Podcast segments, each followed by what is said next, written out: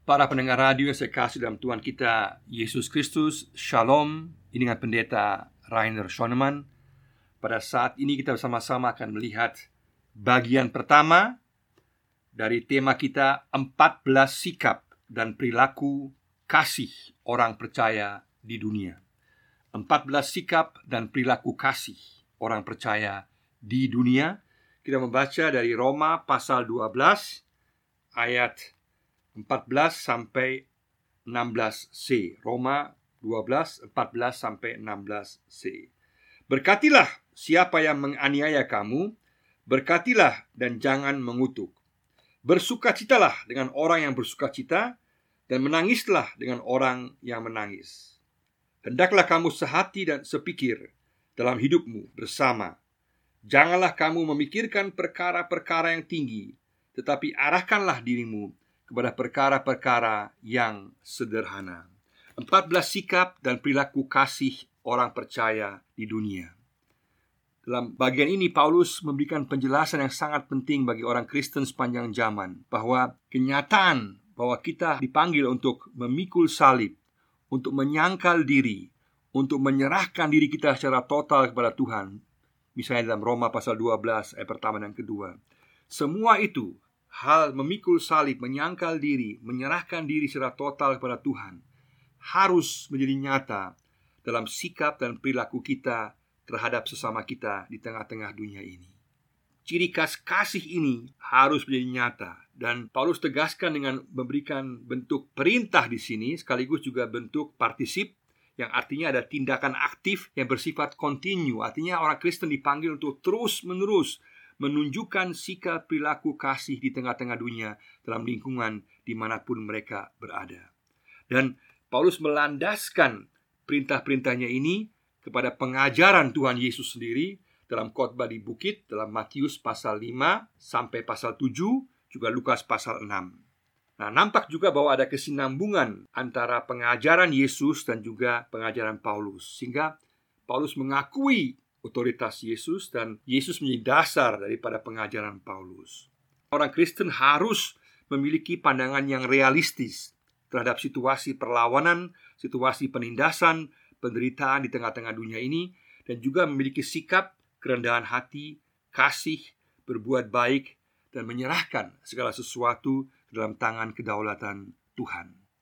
Di tengah-tengah situasi dunia saat ini, maka ke-14 ciri ini harus nampak dalam kehidupan orang percaya. Kita akan melihat dalam bagian pertama tujuh ciri yang pertama.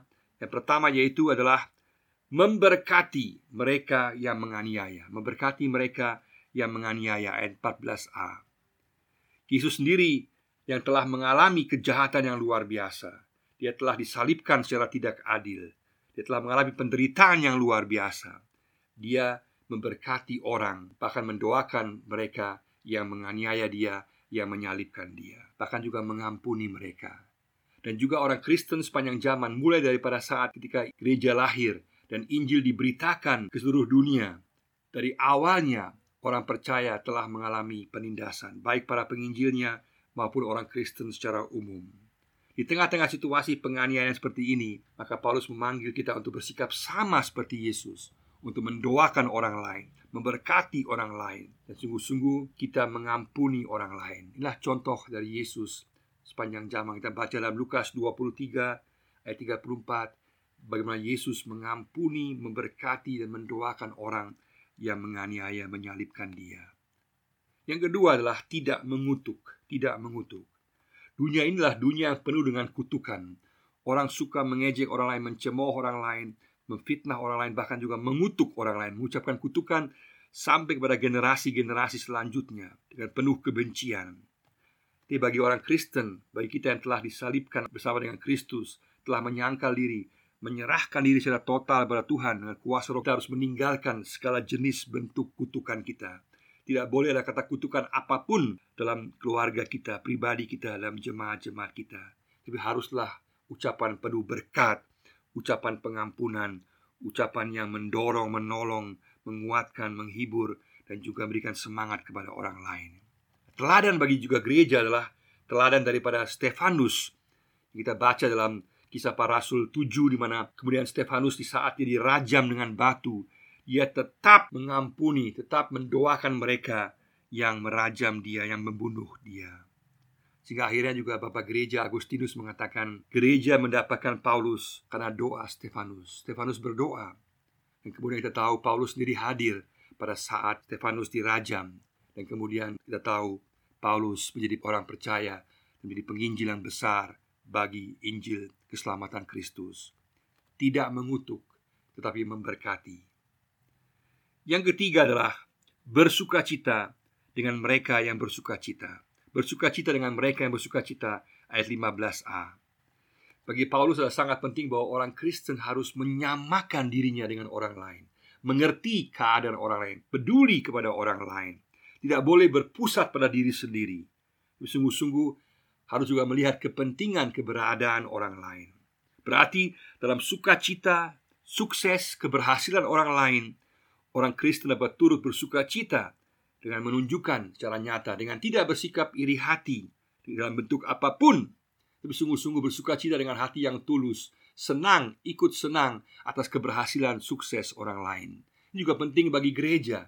Dalam gereja juga sama di tengah-tengah berbagai pelayanan di mana orang lain dipakai oleh Tuhan kita harus sungguh-sungguh bersuka cita bersama-sama dengan mereka. Jangan ada iri hati, jangan ada pola pikir mau menggunting, memotong, menjatuhkan orang lain karena dianggap saingan karena rasa iri hati. Kita harus sungguh-sungguh kembali kepada bersuka cita dengan mereka yang bersuka cita. Bersuka cita dengan orang yang berhasil berarti juga meskipun kita sendiri mungkin dalam situasi yang tidak berhasil, tetap harus bersuka cita dengan orang lain. Ini berarti bahwa kita telah menyangkal ego kita, menyerahkan ego keakuan kita kepada Tuhan, kepada Kristus. Dengan kita bersimpati, kita peduli kepada orang lain, kita nyatakan dengan sukacita, ini berarti bahwa kita sungguh-sungguh dikuasai oleh kasih Kristus, dikuasai oleh kasih Kristus, dikuasai oleh Roh Kristus. Bersukacita dengan mereka yang bersukacita. Yang keempat, menangis dengan mereka yang menangis ayat 15b menangis dengan mereka yang menangis ayat 15b menyamakan diri juga berarti menyamakan diri di tengah-tengah situasi orang lain yang sedang merasakan kesedihan duka yang mendalam kita dipanggil sebagai orang percaya untuk memiliki kepekaan kepedulian terhadap masalah orang lain penderitaan yang sedang dialami oleh orang lain kalau ada satu orang yang menderita dalam jemaat kita kita pun turut menderita. Dalam lingkungan kita, kita juga sama dipanggil untuk juga peduli kepada mereka yang mengalami penderitaan. Turut menangis dengan orang lain dalam duka, seperti Yesus yang juga menangis ketika dia mendengar bahwa Lazarus telah meninggal. Merupakan tanda bahwa kita peduli, tanda bahwa kita mengasihi orang lain. Menangis artinya peduli, juga menyatakan duka cita kita bahwa kita merasakan yang sama, mendampingi, menghibur orang lain. Yang kelima, mengupayakan kebersamaan kesatuan, mengupayakan kebersamaan kesatuan. Ayat 16a. Sini Paulus menggunakan ungkapan sehati sepikir dalam hidup, sehati sepikir dalam hidup. Berarti pentingnya ada kesatuan, adanya harmoni, ada kasih baik di tengah-tengah jemaat maupun juga di tengah-tengah lingkungan di mana kita berada, juga dalam keluarga-keluarga kita. Orang Kristen, orang percaya, pengikut Yesus harus dikenal sebagai orang-orang yang mengupayakan kebersamaan, baik tengah-tengah keluarga maupun juga jemaat dan juga masyarakat. Tuhan Yesus sendiri menegaskan bahwa kasih dan kesatuan orang percaya akan menjadi kesaksian kuasa Injil yang kuat bagi dunia dan menunjukkan keberadaan mereka sebagai murid-murid Yesus. Berarti di mana ada kasih, ada kebersamaan, ada kepedulian, berarti itu akan menjadi daya tarik bagi orang lain untuk mengenal kuasa Injil yang penuh dengan kasih, penuh dengan kepedulian, penuh dengan kesatuan kebersamaan di tengah-tengah penderitaan maupun sukacita, tengah-tengah persoalan apa pun yang sedang terjadi, mengupayakan kebersamaan. Tapi sebaliknya, kalau dalam jemaat terjadi perpecahan, ada masalah yang besar yang mengakibatkan kebencian dan juga berbagai problem yang lain, maka itu akan menjadi alasan untuk orang lain untuk menolak Yesus. Mereka tidak merasakan kasih dalam jemaat itu. Mereka juga tidak melihat kasih dalam kehidupan pribadi kita. Mereka tidak melihatnya, maka mereka akan menolak Yesus karena kita tidak mengupayakan kebersamaan. Sekali lagi, kesatuan hati dan kasih dalam jemaat Kristus menjadi berkat bagi orang lain. Tetapi kekacauan dalam jemaat jadi alasan untuk orang lain menolak Yesus.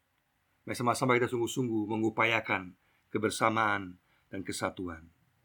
Yang keenam adalah tidak memikirkan perkara yang tinggi. Tidak memikirkan perkara yang tinggi ayat 16b. Istilah perkara yang tinggi di sini artinya adalah sombong. Artinya Paulus mengingatkan kita untuk tidak bersikap sombong dan menjadikan diri kita sendiri sebagai pusat segala sesuatu. Jadi bukan hanya berpikir tentang diri kita sendiri, berpikir sombong, itu yang dimaksudkan dengan pikiran yang tinggi. Kita bandingkan juga dengan Roma pasal 11 ayat 20, juga 1 Timotius 6 ayat 17. Dan kesombongan ini haruslah dihindari karena akan merusak hubungan kesatuan dalam jemaat dan juga sikap saling menghargai dalam hubungan dengan saudara seiman kita, juga dengan sesama kita manusia dalam lingkungan di mana pun kita berada. Ini bukan berarti bahwa kita tidak boleh memiliki visi yang besar atau cita-cita yang tinggi, itu boleh saja. Tetapi yang dimaksudkan adalah bahwa jangan sampai kesombongan atau ada ambisi-ambisi yang egois yang merasa diri lebih daripada orang lain yang menguasai hidup kita. Artinya setiap orang percaya tentu boleh punya tujuan hidup dalam kerjanya, dalam hidupnya, visi yang tinggi, cita-cita yang besar. Puji Tuhan.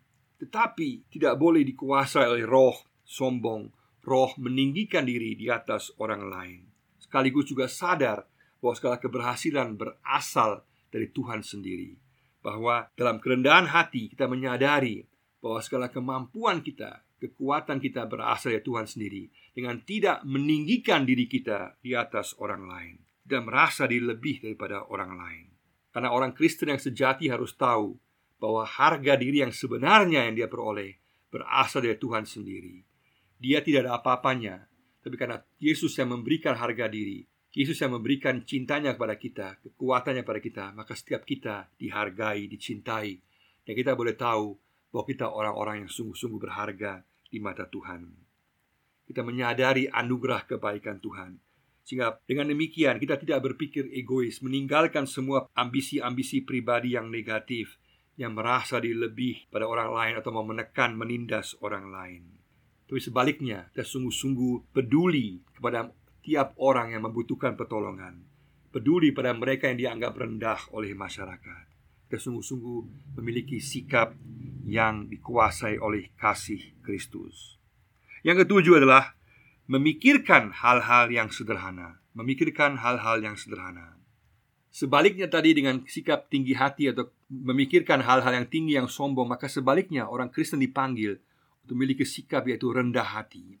Karena pola hidup dunia inilah pola hidup yang cenderung untuk mengabaikan merendahkan orang-orang yang dianggap kecil, yang dianggap tidak berharga sehingga akhirnya berlaku sombong, angkuh. Padahal melakukan yang sederhana, memikirkan yang sederhana ditekankan berulang-ulang kali dalam Alkitab Perjanjian Lama juga Perjanjian Baru. Misalnya Mazmur 131 ayat 1 dan 2, juga Yeremia 45 ayat 5, juga Matius 11 ayat 28 sampai 30 dan seterusnya.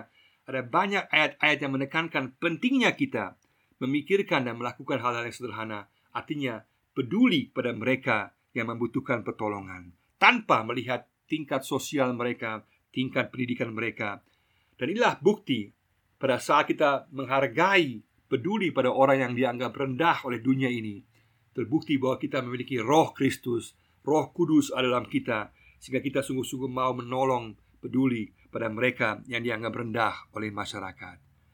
Orang Kristen harus menjauhi rasa gengsi dan sungguh-sungguh memiliki kesediaan untuk melakukan pekerjaan dan pelayanan bagi mereka yang membutuhkan di tengah-tengah dunia ini. Mereka yang lemah, mereka yang tidak berdaya, tapi mereka yang sungguh-sungguh berharga di mata Tuhan. Mari sama-sama kita sebagai renungan kita pada hari ini, kita melihat bersama-sama ada tujuh sikap perilaku kasih yang ditekankan oleh Paulus bagi kita yang perlu kita perhatikan bersama-sama. Mari sama-sama kita memikirkan sejauh mana kita sungguh-sungguh menjadi orang-orang yang memberkati orang lain orang-orang yang mengucapkan kekuatan, penghiburan, memberikan penghargaan kepada orang lain. Sejauh mana kita memberkati mereka yang menghina, memfitnah kita. Sejauh mana kita sungguh-sungguh mendoakan mereka, mengampuni mereka. Tuhan mau menjadi orang-orang yang memberkati, orang yang menganiaya atau menghina atau memfitnah kita. Maukah kita? Sejauh mana kita telah meninggalkan sungguh-sungguh segala jenis bentuk kutuk, kutuk yang harus tertinggalkan.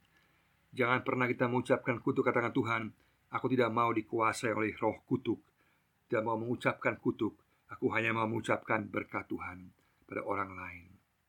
Aku juga sungguh-sungguh mau menjadi orang yang bersuka cita dengan orang lain, tidak iri hati, senang dengan keberhasilan orang lain, senang dengan sukses orang lain, mendukung mereka, menolong mereka, menguatkan mereka, memberikan semangat pada mereka. Saya juga mau menjadi orang yang berduka cita menangis dengan orang yang menderita. Jadikan aku orang yang peduli, yang sungguh-sungguh mau peka terhadap kebutuhan permasalahan orang lain. Sehingga orang lain merasakan ada kasih Tuhan, sehingga kita menjadi alat Tuhan untuk menjadi penghiburan bagi orang lain, kekuatan bagi orang lain. Sehingga orang melihat ada kepedulian, ada kasih yang nyata Bahwa kasih Kristus mengalir lewat kita kepada orang lain Pada saat kita menghibur, menguatkan orang lain Sejauh mana kita sungguh-sungguh telah mengupayakan kebersamaan kesatuan Sejauh mana kita di tengah-tengah keluarga kita Jemaat kita, lingkungan kita pada saat ada pertikaian, perpecahan kita mau sungguh-sungguh katakan Tuhan, saya mau menjadi alat Tuhan, saya mau membuat yang terbaik supaya terjadi kedamaian, terjadi kebersamaan, terjadi kesatuan lagi. Supaya ada kasih yang nyata di tengah-tengah dunia ini. Supaya terlihat bahwa kuasa Kristus memulihkan, membawa kesatuan kebersamaan. Jadikan aku alatmu Tuhan untuk mengupayakan kebersamaan dan kesatuan. Saya juga mau menjauhkan diri dari segala pemikiran yang sombong, membanggakan diri secara salah, yang merasa diri lebih hebat daripada orang lain. Saya sungguh-sungguh mau menanggalkan semua ambisi-ambisi yang egois. Saya sungguh-sungguh mau kuasai oleh roh kerendahan hati, memikirkan hal-hal yang sederhana, melayani orang-orang yang membutuhkan pertolongan, peka dan peduli, menolong mereka yang tidak berdaya. Jadi alat Tuhan untuk memulihkan, menolong orang lain. Mari sama-sama katakan kepada Tuhan, Tuhan aku mau menyatakan tujuh sikap ini dalam kehidupan saya. Saya mau secara sadar setiap hari mendoakan diri saya sendiri Berdoa bagi agar Tuhan berikan saya kekuatan Agar saya menjadi orang yang memberkati orang lain Tidak mengutuk orang lain. Saya boleh jadi orang yang bersuka cita dengan orang lain Menangis dengan orang lain.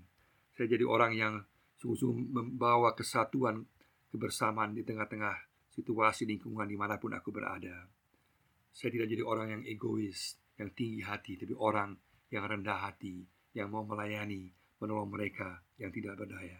Tuhan, berkaryalah dalam hidupku, jadikan aku alatmu, sehingga sikap perilaku kasih ini dapat aku nyatakan dalam kehidupan sehari-hari saya, mulai hari ini. Demi Yesus Tuhan kami, saya mohon agar roh kudus menguasai saya, menguasai kita semua, agar kita dapat menyatakan sikap perilaku kasih di tengah-tengah kehidupan kita. Dan akhirnya, kita akan menjadi berkat bagi orang lain. Tuhan memberkati kita semua. Amin.